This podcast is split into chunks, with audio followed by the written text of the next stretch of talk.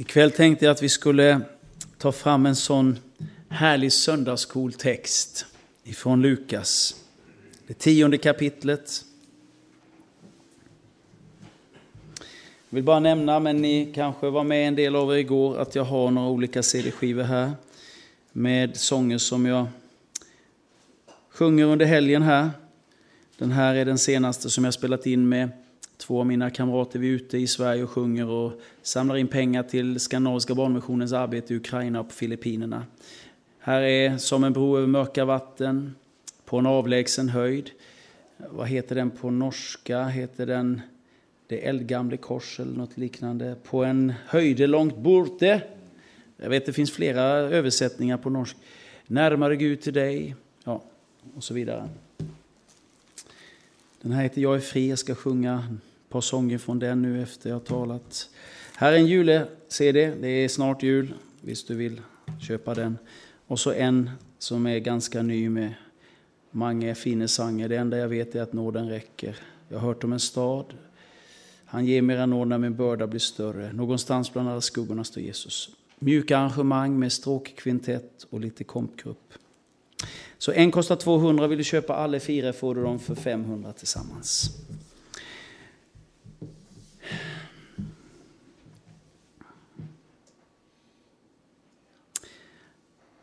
Tack Jesus för ditt ord som ska möta oss nu. Låt det få ha sin verkan i våra liv, att vi inte bara blir ordets hörare utan dess görare. Att vi inte blir mannen som byggde huset på sand. Utan vi är som mannen som byggde vårt hus på berget, på Hälleberget. Så är det med den som hör ordet och gör efter det. Amen.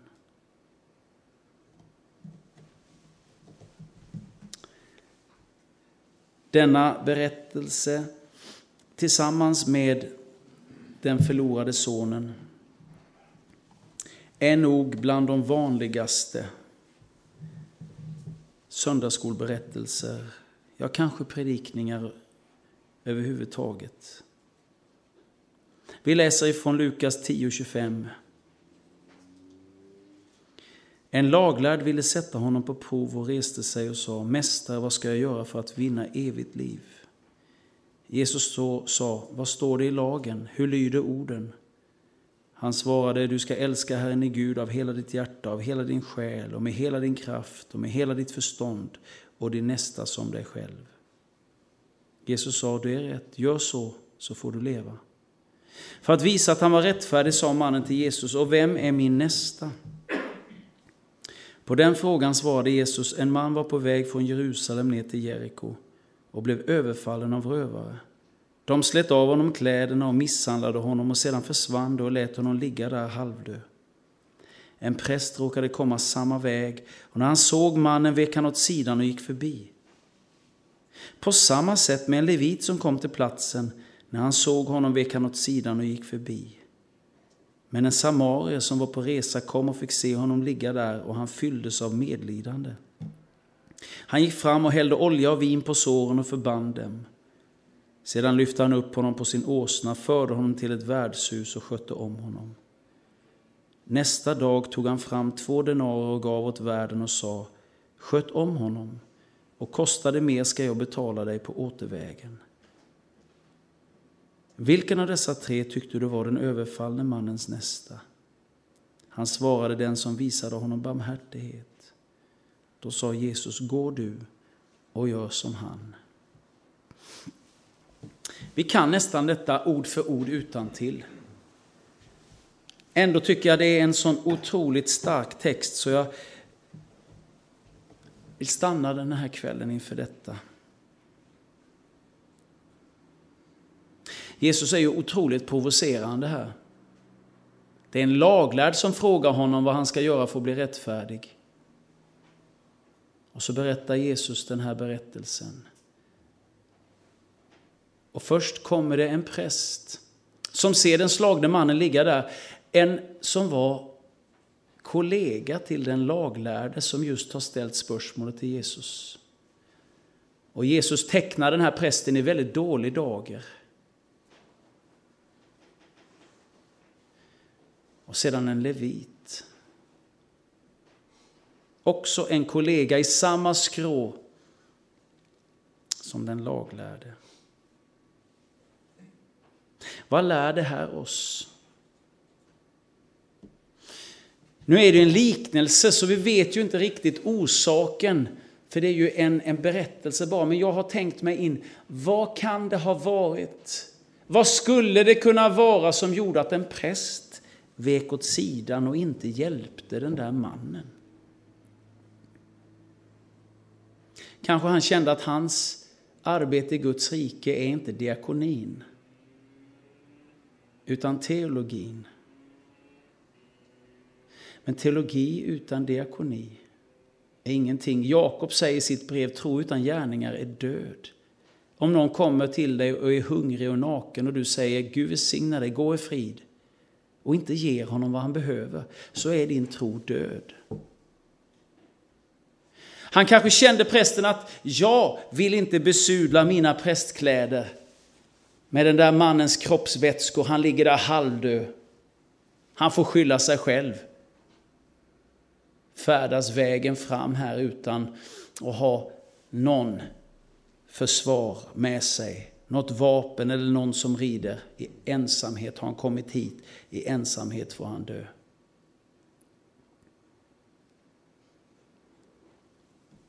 Jag var tillsammans med Carl Lindström. Han är pastor i eh, Håpet Skarnäs. Han jobbade väldigt nära med Ludvig Karlsen, var släkt med honom också. Och ni känner ju Ludvig Karlsen, säkert många av er känner till honom. Startade Evangelicenter, fick kungamedaljen. De fick till och med göra om reglerna för hur man skulle få en kungamedalj, för egentligen får man inte få kungamedaljen om man har varit eh, dömd för något brott. Och Ludvig Karlsson hade ju suttit i fängelse så de fick göra om hela regelverket så att han fick kungamedaljen. Och han sa när han kom till kung, om det var Harald eller om det var Olav, det var väl Harald kanske då, konung Harald. Att för 25 år sedan så låg jag här utanför, bokstavligt talat, bredvid slottet i en buske. Redlöst berusad i mina egna spyor. Idag får jag komma in i kungens slott. Tack vare Jesus. Men Carl Lindström berättar vid ett tillfälle när han och eh, Ludvig skulle åka in på pastorskonferensen i Philadelphia i Oslo. Och de hade tagit på sig den finaste dressen och de hade tagit på sig gott rakvatten och nu skulle de få komma in i själva pinsebevegelsens högborg i Philadelphia på pastorskonferens. Och när de är på väg in så ringer telefonen från en evangeliecenterkontakt i närheten av Oslo och säger ni måste komma hit, vi har fått in två män.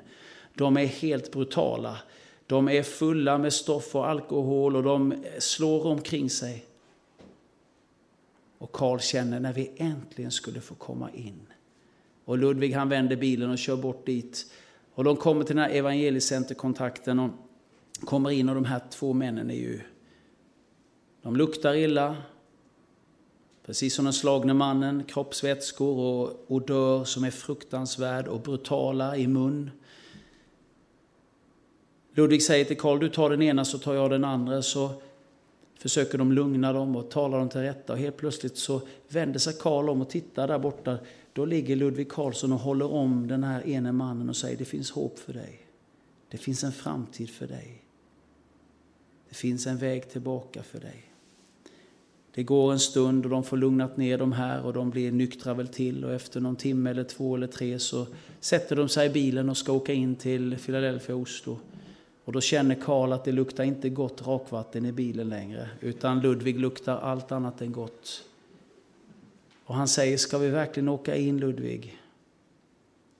Och då säger Ludvig till Karl, Karl den dag din dress blir mer värd än ett människoliv, då är det dags att sluta och vara en evangelietjänare. Jag tänker på det, den här prästen.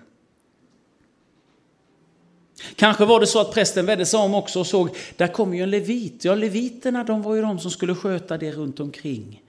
Diakonin bland annat. Det får han ta hand om. Och så kommer leviten. Men han går också förbi och man, man har undrat varför gick leviten förbi? Ja, han som ligger där tillhör inte vår menighet, så det är inte vårt ansvar. Kanske han tänkte så. Eller så kanske han såg prästen där framme som icke stannade. Och så tänkte han, visst icke min andliga ledare bryr sig, varför ska jag bry mig? Föredömets makt är stor. Vi är alla föredöme för någon och då kanske du säger nej, jag är inte föredöme för någon. Du kan vara föredöme för människor utan att veta om det. Du visar på ett exempel. Du visar på vem du tillhör.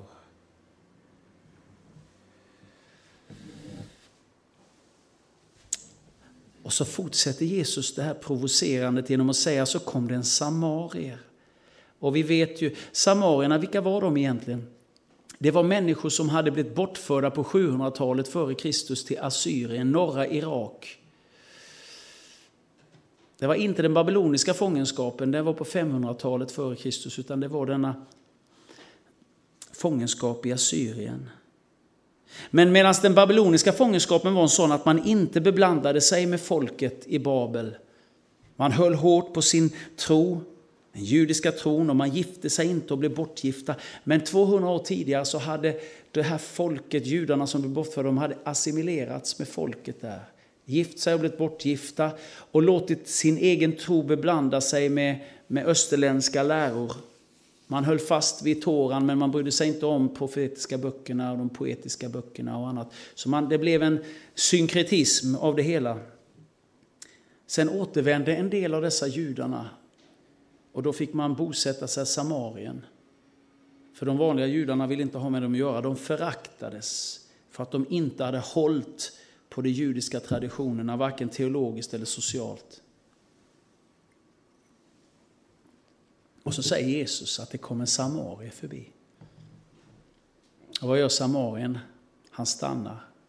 Han inte bara stannar och frågar hur är det med dig.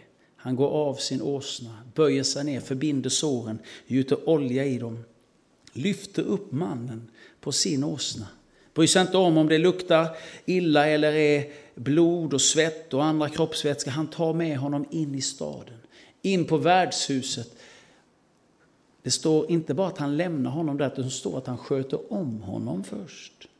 Och sedan säger han, nu måste jag dra vidare. Här är pengar och kostar det mer ska jag betala på tillbakavägen.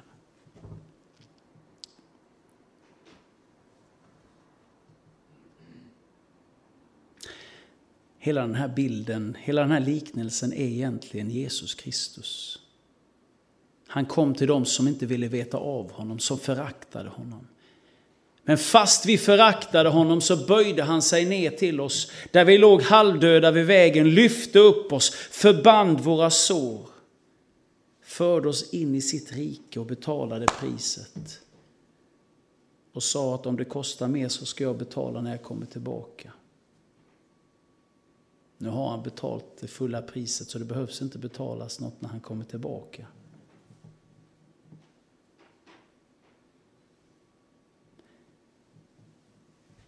Jesus är överallt i skriften. Gamla testamentet är fullt av Jesus. Han säger ju det till Emmausvandrarna, Jesus. Förstår ni så lite? Är ni så tröga? säger han till dem. Och så visar han dem på Messias ända från Mose och genom alla böckerna, vad det står om honom. Fantastiskt.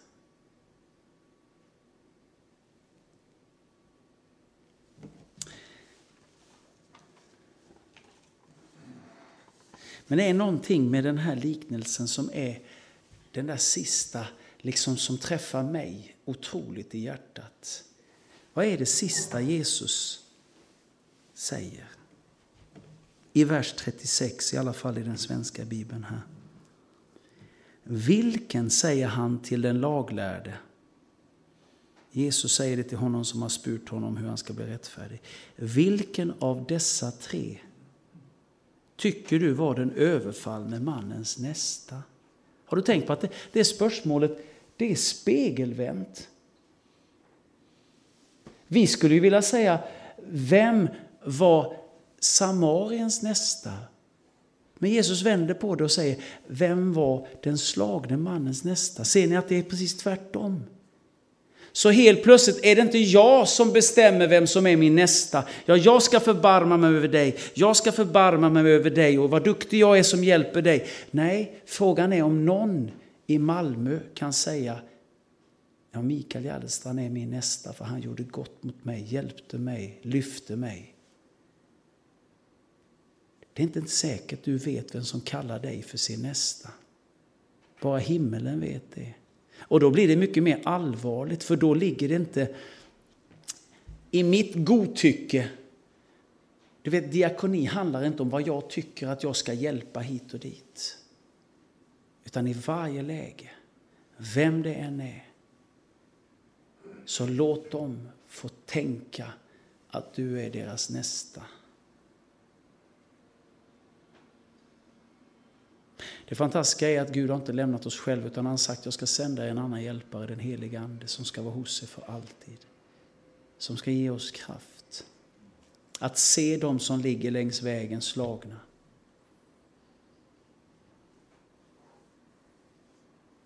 Och jag tror att det är ett vittnesbörd för människor. Ett vittnesbörd på att vi har mött den levande och uppståndne Jesus.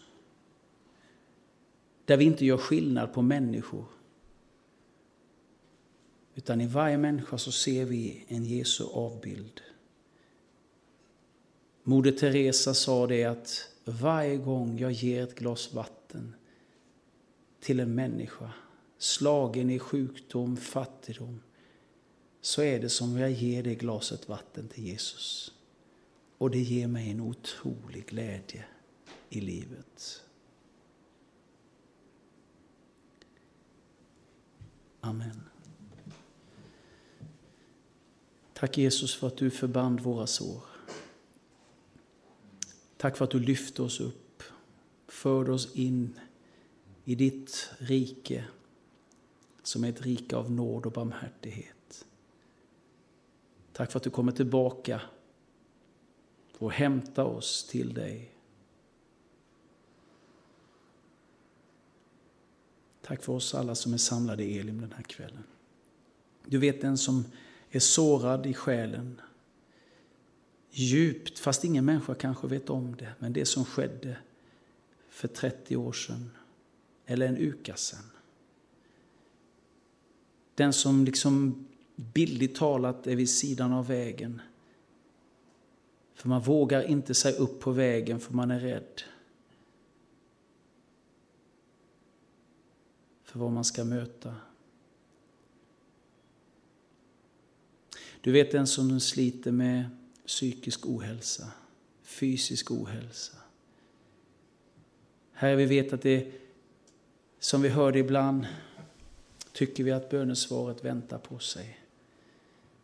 Men du har sagt att vi får göra alla våra önskningar kunniga för dig. Då ska du ge våra hjärtan frid och våra tankar skydd. Herre, vi ber om denna frid och detta skydd för vårt tankeliv. Mer än bönesvaret så ber vi om frid i hjärtat och skydd för våra tankar. Men så vet vi att du också kan komma och förändra situationen. Kan komma och hela och lägga till rätta. Herre, låt oss inte vara som prästen eller leviten som tänker att det där får någon annan göra. Det är någon annan, det är samfundets uppdrag. Utan låt oss se i varje människa dig själv, Jesus. Amen.